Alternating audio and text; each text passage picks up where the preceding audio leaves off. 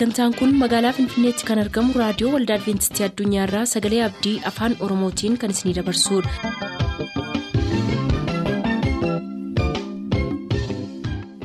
harka fuuni akkam jirtu dhaggeeffattoota sagalee abdii nagaa keenyattaan sun har'aaf qabannee kan isiniif dhiyaannu sagantaa mallattoo barichaati nu waliin tura.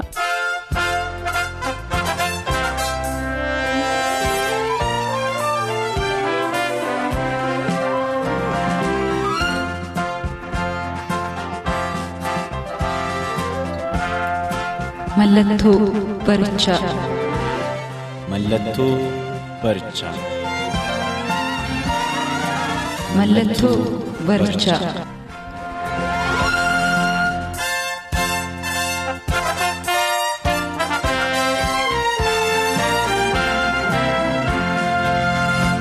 Gooftaatti kan jaallatamtan kabajamoota hordoftoota sagalee abdii sagantaa mallattoo barichaa torban lamatti al tokko isiniif dhiyaatu hordofuudhaaf reediyoo keessan kan saaqqattan hundumtuu ayyaanni nagaan araarriif eebbi waaqayyoo bakka jirtanitti isiniif habaayyatu jechaa sagantaa keenya har'aatti yommuu isin dabarsinu torban lamaan har'aa guyyaa murtii isa dhumaa mata duree jedhu wajjiniin ilaalaa turuu keenya isin yaadachiisuu barbaanna. Guyyaa murtii isa dhumaa keessatti yommuu ilaalle guyyaan murtii sun akka inni jala ga'ee guyyaan sunis muramee akka inni jiru sababii guyyaan sun muramee jiruuf wanta inni dhiyaateefis waaqayyoon sodaachuun ulfina kennuufiin isaaf sagaduun barbaachisaa akka ta'e ilaallee turre murtiin kunis karaa gooftaa keenya yesus kiristoosiin kan kennamu akka ta'ee fi sanas immoo hojii ergamootaa 1731 irraa ilaallee kan murtiin kennamus. yeroo abbaan murtii taa'u galmeen nama hundumaa banamee akka inni dhiyaatu nama hundumaafis akka hojii isaatiitti murtiin akka kennamu ilaallee turre akkasumas isaas boqonnaa kudha afur lakkoofsa kudha lamaa hamma kudha afuriitti waliijjiniin ilaalleerra luusfer filannoo ofii isaatiitiin filannoo filaterraa kan ka'e iddoo jirurraa gad darbatamee gara qileetti gatamuusaa ilaalleerra nus mirga filannoo nuuf kennametti fayyadamnee garmalee yoo deemne. waaqayyoon hin sodaannu yoo ta'e ulfina isaaf hin laannu yoo ta'e isaaf hin sagannu yoo ta'e sana hundumaatiif fuula murtiitti dhiyaachuudhaaf akka jirru akeekkachiisa nuuf kenname roomee boqonnaa kudha afur lakkoofsa kudha lamarraa akkasumas lallaba boqonnaa kudha tokko lakkoofsa sagalirraa ilaallee turre. Mee lallaba boqonnaa kudha tokko lakkoofsa sagalirra isa jiru wajjiniin dubbifannee si yaadachiisuun barbaada akkas jedha yaa dargaggeessaa dargaggummaa keetti gammadii bara dargaggummaa keettis. garaan kee haa gammadu. Gara yaanni kee si geessutti adeemi wanta iji kee arguu duukaas bu'i. Garuu waaqayyo wanta kana hundumaaf gara firdiitti akka si dhiyeessu beekii kan jedhu ture dhumarratti ilaallee kan nuyi adda baane. Waan kana hundumaatiif waaqayyo gara murtiitti akka si dhiyeessu beeki. Kana beekuun ogummaadha. Kanaafidha dursee kan inni nuuf barreeffame. Kanaaf har'a immoo. murtiin kennamu kun amma maaliitti? Maalfaa dabalataa? Jennee immoo walii wajjiniin ilaalla. Sana dura garuu waaqayyoon kadhanna. Hubannaan kee hundumaa kan caalu ogeessa ogeessotaa beekaa beektotaa wanta fuula duratti ta'uudhaaf jiru ta'es kan darbe hundumaa kan beektu kunoo ijoolleen kee murtiitti akka dhiyaannu beeknee jireenya keenya akka nuyi sirreeffannuuf filannoo keenyaaf adeemsa keenya. gochaa keenya akka sirreeffannuuf dursitee nutti dubbachuu waan jaallatteef galanni siif haa ta'u kunoo dhaggeeffatoonni bakka jiran ta'anii sagalee kee eegaa jiru yaa gooftaa kan ittiin murtii kana jalaa ba'uu danda'an ogummaa samiirraa ta'een sagalee kee akka dubbattuuf jaalala kee haa ta'u. Kana hundumaa waan gootuuf ulfinni siif haa ta'u. Maqaa ilma kee gooftaaf si'ettee aameen. eeyyee murtiin jira. Guyyaan isaa murteeffameera. eenyuun akka murtaa'us ilaalameera. Mirga filannoo qabnutti fayyadamnee waan filannuuf waan goonu hundumaatiif murtiitti dhiyaachuudhaaf akka jirru walii wajjiniin ilaalleerra egaa ammam deema? Murtiin sun amma maaliittidha kan inni ga'u maalfaa dabalataa? Isuma ijaan argamuudhaayi. Isuma ragaa qabuudhaayi. Nama lama nama sadii ragaatti barbaaduutu barbaachisaayii jennee immoo walii wajjiniin ilaalla. Lallaba boqonnaa kudha lama lakkoofsa kudha afur irraati kan jalqabnu har'a. Lallaba boqonnaa kudha lama lakkoofsa kudha afur irraa akkas jedha. Waaqayyo hojii hundumaa gaarii ta'us hamaa ta'us wanta dhoksaatti hojjetamu hundumaaf firdiin kenna jedha waaqayyo hojii hundumaa hojii tokko yookaan lama miti hojii muraasa yookaan baay'ee miti hojii hundumaa isa gaarii duwwaa miti yookaan isa hamaa duwwaa miti gaarii ta'es hamaa ta'es ifatti kan hojjetamu duwwaa immoo miti dhoksaatti kan hojjetamu hundumaaf murtii hin kennaa yookaas firdii hin kennaa jedhee sagalee waaqayyo nutti hima. Murtii hin kenna. Waaqayyo wanta hojjetamu hundumaatiif murtii kennuudhaaf jira. Wanti ija waaqayyoo duraa dhookatu hin jiru. Sababiinsaa dhoksaatti isa hojjetame hundumaafis jedhaan. Tarii har'aa iji namaa utuu nun argin gurri namaa utuu nun dhagahin hammeenyi nu yoo hojjenne cubbuun nu yoo hojjenne yakki nu yoo hojjenne yoo jiraate ija namaa duraa dhookatee kan hafe yoo jiraate tarii qabamnee mana murtiittis dhiyaannee ragaa ga'an kan itti dhibe yoo jiraate garuu waaqayyo inni ragaa barbaadu isa hin barbaachifne inni waan hundumaa qoree ilaalu inni waan hundumaa beeku. inni galmeensaa hin dogoggorreef galmee nama hundumaa of harkaa qabu guyyaa tokko sana hundumaatiif murtii kennuudhaaf akka jiru dubbata. Kanaaf iyyuu dhaggeeffatootaa namni nan agarree namni nan dhageenye bilisan ba'ee natti murtoofne ragaatu dhibe jennee wanti nu itti teenyu tokkoonsaa jiraachuun irra hin jiraatu sana hundumaatiif fuula waaqayyootti dhiyaannee gaaf tokko murtii akka argannu beeknee yeroodhaan qalbii jijjiirrannee gara waaqayyootti dhiyaachuutu nu barbaachisa. Wanta dhoksaatti hojjetame hundumaa waaqayyo murtiitti hin dhiyeessa. Ibroota boqonnaa afur lakkoofsa kudha sadiirraa immoo Ibroota boqonnaa afur lakkoofsa kudha sadiirraa akkas jedha. Wanti waaqayyo uume tokko illee isa duraa dhookachuu hin danda'u. Wanti hundinuu saaqama isaa duratti mul'ataadha. Nus waan goone sababii isaa wajjin isatti himuun nurra jira jedhaan. Wanti waaqayyo uume tokkollee waaqayyo duraa kan dhookatu hin jiru saba waaqayyo. Ija waaqayyo duraa wanti dhoksuu hin danda'amu tokkollee hin jiru. Kana beekna namoonni yeroo adda addaatti seenaa kitaaba qulqulluu keessatti dhoksuudhaaf kan yaalan yoonaas baqatee ba'uudhaaf yeroo ka'e kallattii jijjiirratee muudeeme waaqayyo iddoo manni jirutti isa arge. Kan biraan hafee garaa qurxummii keessatti isa arge galaana jalatti isa arge. waaqayyoo jalaa baqatanii ba'uun akka hin dandeenye isa jalaa dhookachuun akka hin dandeenye yoonaas ragaa guddaadha kan inni ta'u. Namoonni baay'een garaa isaanitti yaadanii wanti isaan garaa isaanitti yaadan wanti hamaan garaa isaanitti yaadan bakkeetti ba'e waan mul'atu kan isaanitti fakkaataan turre jiru haa ta'u malee waaqayyo dhoksaa garaa isaanii keessaa saaxilee yemmuu inni murtii itti kennaa ture kanaan duras argineerra ammas wanti waaqayyo uume. Isa duraa kan dhookatu tokko akka hin jirredha. Sagaleen kun kan nutti dubbatu. Wanti hundinuu saaqama ija isaa durattis mul'ataadha jedhan. Wanti hundinuu saaqamaa ija isaa durattis mul'ataadha. Nus waan goone hundumaa sababii isaa wajjiniin isatti muutu nurra jira. Waan goone duwwaa utuu hin taane maaliif akka goone wajjiniin? Kana kanaan duras ilaalleerra. Maaliif akka goone wajjin maaliif akka filannee wajjiniin maaliif akka isarraa galagalle maaliif isaaf abboomamuu dinne maaliif akka isaaf ulfina kennuu dhiifne maaliif akka isaaf sagaduu dhiifne sababii isaa wajjiniin isatti himuudhaaf jirra. Kun saba waaqayyoo akeekkachiisa guddaadha. Faarsaa daawwiti dhibbaaf soddomii sagal lakkoofsa tokkorraa akkas jedha. Yaa waaqayyoo ati qortee na ilaalta na beektasii jedha daawwiti abbaa faarsaa. Yaa waaqayyoo. Ati qortee na ilaaltaa na beektas. Lakkoofsa sadiirraa akkas jedha. Ka'ee adeemuu koo fi ciisuu koos gargar hin baafatta. Karaa jireenya koo hundumaas keessa beektaa jedhaan karaa jireenya kooti hundumaa ati keessa beektaa. Wantan si dhoksuu danda'u tokkollee hin jiru. Ba'uudhaaf galuun koo hundumtuu si duratti beekamaadha. Ciisuudhaaf ka'uun koo hundumtuu si duratti beekamaadha. Karaan koo hundumtuu kanati keessa beektuudha kanan si dhoksuu danda'u miti.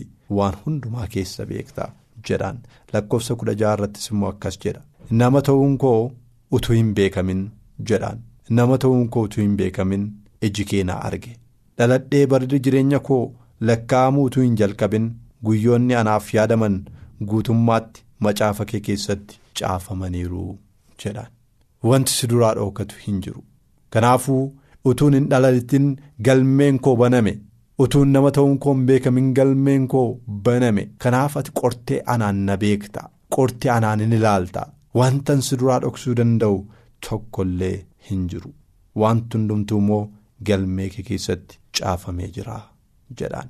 Murtiin kennamu kana hundumaa dabalata jechuudha saba waaqayyoo. Murtiin kennamu isa dhoksaatti garaa keenya keessatti yaanne isa dhoksaatti keessa keenyatti raawwanne filannoo keessa keenya murtii keessa keenyaa dabalata isa dukkana keessa hojjenne innis ifatti ba'ee murtii argata. Maatiyoos keessattis gooftaan keenya yesus kiristoos yommuu dubbatu Maatiyoos boqonnaa kudha lama lakkoofsa soddomii jaarraa akkas jedha. Ani isinittan himaa namoonni dubbii yaada malee afaan isaanii keessaa ba'e hundumaatti gaafatamanii guyyaa firdiitti deebii deebisuuf jiru. Dubbii kee hundumaan siif hin faradama dubbii kee hundumaanis sitti hin faradama jedhaan. Dubbii yaada malee afaan isaanii keessaa ba'e hundumaatiif. Wanta isaan dubbatan hundumaatiif. Arrabsoo afaan isaanii keessaa ba'e hundumaatiif. Eebba afaan isaanii keessaa ba'e hundumaatiif. Leeyyoodhaaf kan ta'u kan afaan isaanii keessaa ba'e hundumaatiif. Ulfinaaf kan ta'u kan afaan isaanii keessaa ba'e hundumaatiif. Faarfannaa afaan isaanii keessaa ba'e hundumaatiif. Sirba afaan isaanii keessaa ba'e hundumaatiif. Namni hundumtuu murtii argachuudhaaf jira. Hamaa afaan isaanii keessaa ba'e hundumaaf jajjabina afaan isaanii keessaa ba'e hundumaatiif namni hundumtuu murtii argachuudhaaf jira. Kanaaf iyyuu dubbii ati dubbatteen sitti muramaa jedhaan dubbii ati dubbattuunis afaan kee keessaa ba'eenis siif hin murama. Saba waaqayyoo guyyaatii gara guyyaatti wanti nuyi haasaa oollu maal fakkaata? Haasaan keenya ammam ulfina waaqayyoof kenna? Haasaan keenya ammam sodaa waaqayyoo of keessaa qaba?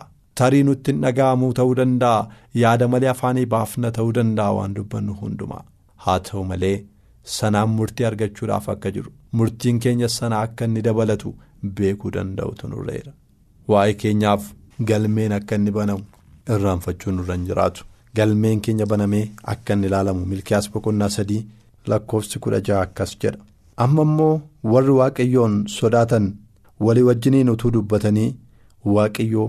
Isaan dhaggeeffatee jedhaan amma immoo warri waaqayyoon sodaatan walii wajjin utuu dubbatanii utuu isaan haasa'anii utuu isaan mari'atanii waaqayyo isaan dhaga'e macaafni seenaa waa'ee warra isa sodaatanii fi warra maqaa isaatiif ulfina kennanii fuula isaa duratti caafameera jedhaan agartanii wanta warri waaqayyoo waaqayyoon sodaatan dubbatan. waan isaan mari'atan. Waan afaan isaanii keessaa ba'u hundumaa waaqayyoo hin dhaga'e kan isaanii duwwaatu hin taane waaqayyo kan hundumaa hin dhaga'a. Garuu sana booddee immoo maal jedha? Galmeen akka inni galmaa'ee taa'e. Waa'ee isaaniitiif galmeen akka inni caafame? Maqaa isaaniitiif wanti isaan kennan waa'ee isaan dubbatan hundumtuu galmee qabatee akka inni taa'e immoo nutti hima saba waaqayyoo. Kana yaadannaa dubbiin nuyi dubbannu waaqayyo duratti kan dhaga'amu ta'uusaa. Waaqayyo haasaa afaan keenya keessaa bahu hundumaa kan dhaga'u ta'uusaa maree nuyi mari'annu hundumaa kan dhaga'u ta'uusaa micciirraa nuyi micciirru hundumaa kan dhaga'u ta'uusaa hama yeroo hamannu kan dhaga'u ta'uusaa yeroo arrabsinu kan dhaga'u ta'uusaa yeroo garmalee darbaa dubbannu kan dhaga'u ta'uusaa yaadachuu danda'utu nurreera sababiinsaa isaan kun hundumtuu galmee qabatu. Galmee qabatanii immoo murtiitti nu dhiyeessu fuula murtiitti ittiin dhiyaanna kanadha sagalee waaqayyoo kan inni nutti himu. Faarsaa daawwit boqonnaa shantamii ja'a lakkoofsa saddeet irratti. Faarsaa daawwit lakkoofsa boqonnaa shantamii ja'a lakkoofsa saddeet irratti akkas jedha. Joora koo ati lakkooftee keesseetta. Joora koo ati lakkooftee keesseetta. Imimmaan koo qodaa safaraa keetti walitti qabi. Isaan dhugumaan macaafa kee keessatti caafamaniiru jedhaan. Joora koo lakkooftee keesseettaa jedhaan daawwit joorri koo galmaadha si biratti. Ammam akkan dadhabe ammam akkan joore ammam akkan dhama'e ati galmeessitee keesseetta kana duwwaa miti. Imimmaan koo qodaa safaraa keetiitti walitti qabi jedhetu isaan dhugumaan macaafa kee keessatti caafamaniiru jedhaan. Boo'ichi koollee caafameera imimmaan koo caafameera dadhabbiin koo caafameera joorri koo galmee kee keessatti galmaa'ee jira. Kanaafiyyuu gaafa abbaan murtii sun taa'u inni seera muru sun yeroo taa'u. Galmee sanatu banama. Galmee keenyatu banamee dubbifama joora keenya banamee dubbifama imimmaan keenya banamee dubbifama dadhabbii keenya banamee dubbifama. Ammam akka nuyi waaqayyoof ulfina laanneetu isaaf jennee ammam akka nuyi dhamaanetu aarsaa nuyi isaaf jennee kaffalletu banamee dubbifama. Akkasuma immoo ammam akka waaqayyoof salphifne ammam akka waaqayyootti duddaganne ammam akka dubbii waaqayyootti garaa jabaanne ammam akka waaqayyoon ulfina dhoowwannetu banamee dubbifama. Dubbii arraba keenya keessaa ba'etu banamee dubbifama kun hundumtuu galmee qabatee kan taa'udha. Mul'ata boqonnaa 21 irras fudhannee yoo ilaalle mul'ata boqonnaa 21 mul'ata boqonnaa 21 lakkoofsa 27 irratti akkas jedha macaafa hoolichaa isa warri jireenya argachuuf jiran keessatti caafaman sana keessatti warra argaman duwwaa malee wanti xuraa'aan tokko illee warri wanta ciiggaassaa yookiis wanta sobaa hojjetan tokko illee achitti hin galanii jedhaan. mootummaa waaqayyootti eenyufaatu galaa? Murtii gaariin eenyufaif murtaa'a eenyutu murtii gaarii ta'e argata? Eenyutu jireenya bara baraa argata? Jennee yommuu ilaallu. Yohannis mul'ata isaa keessatti kan inni arge kan inni nuuf barreesses kana jedha. Macaafa hoolichaa isa warri jireenya argachuuf jiran keessatti caafaman sana keessatti warra argaman duwwaatu sana argataa jedha. Warra macaafa hoolichaa keessatti caafaman. Macaafa isa warri jireenya argachuudhaaf jiran keessatti caafaman irratti yoo barreeffame irraa kan hafe. Galmeensaa galmee warra jireenya argatanii keessa yoo jiraate irraa kan hafe. Maqaansaa galmee warra jireenya argatanii keessa yoo jiraate irraa kan hafe. Wanta xuraa'aa warri hojjetan tokkollee warri wanta ciiggaassaa yookiis wanta sobaa hojjetan tokkollee warri waaqayyoof ulfina laanne tokkollee warri waaqayyoof hin saganne tokkollee warri waaqayyoon salphisan tokkollee iddoo sanatti. Galuu hin danda'ani murtii jireenya bara baraa argachuu hin danda'ani eegaa saba waaqayyoo yeroo murtiitti dhiyaannu galmeen keenya yommuu banamu galmeen koof galmeen keessan isa warri jireenya argachuudhaaf jiran keessatti caafaman miti yoo ta'e salphinaan nu qabata dubbii har'a dubbanneef salphina har'a raawwanneef filannoo bada har'a filanneef har'a waaqayyoon gaddisiisuu keenyaaf har'a mataa jabaachuu keenyaaf har'a jireenya filachuu dadhabuu keenyaaf. Har'a of tuuluu keenyaaf gaafa gooftaan keenya yesus kiristoos deebi'ee dhufu murtiitti gaafa dhiyaannu salphina guddaatu nu qabata kanaaf salphina kana ooluu akka dandeenyuuf wanta har'a dhoksaatti hojjennee qabnu hundumaa cubbuu isa namni nurratti hin beekne hundumaatiif qalbii jijjiirrannaadhaan fuula waaqayyootti dhiyaannee baraaf yeroo nu hafe keessatti immoo wanta murtiitti nu dhiyeessu hundumaa beeknee akka ulfina waaqayyoof ta'utti jiraachuuf deddeebi'uu akka dandeenyuuf. Murtiin keenyas jireenya bara baraa akka nuuf ta'uuf waaqayyo hunduma keenyaa gargaaru waaqayyos na eebbisu.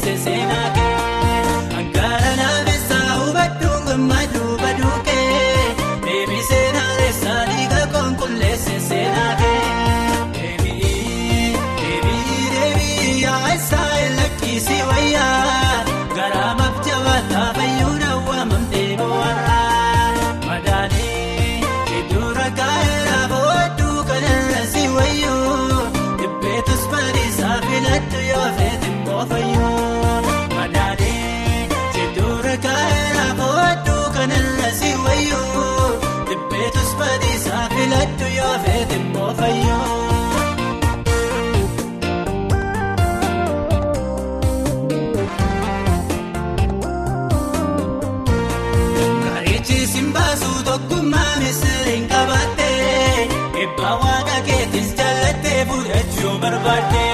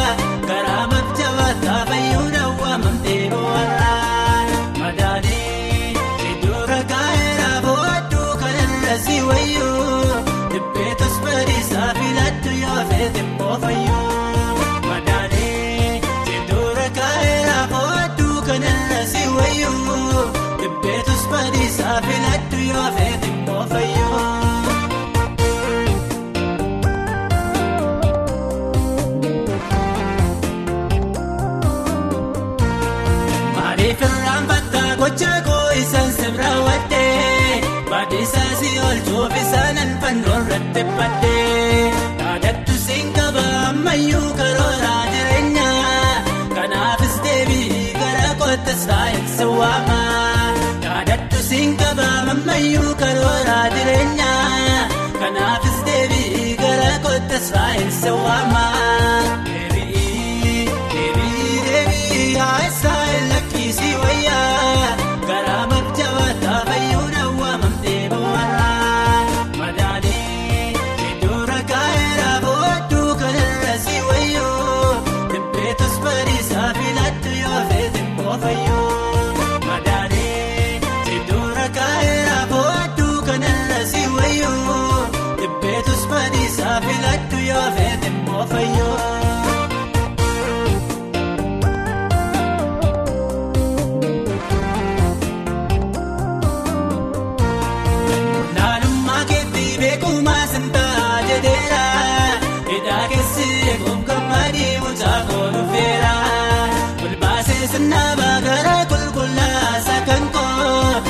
gammachuun barbaadaa galatan dhaabbattee maqaa koo bulbaasee sinnaabaa gara qulqullaasa kan koo gammachuun barbaadaa galatan dhaabbattee maqaa koo.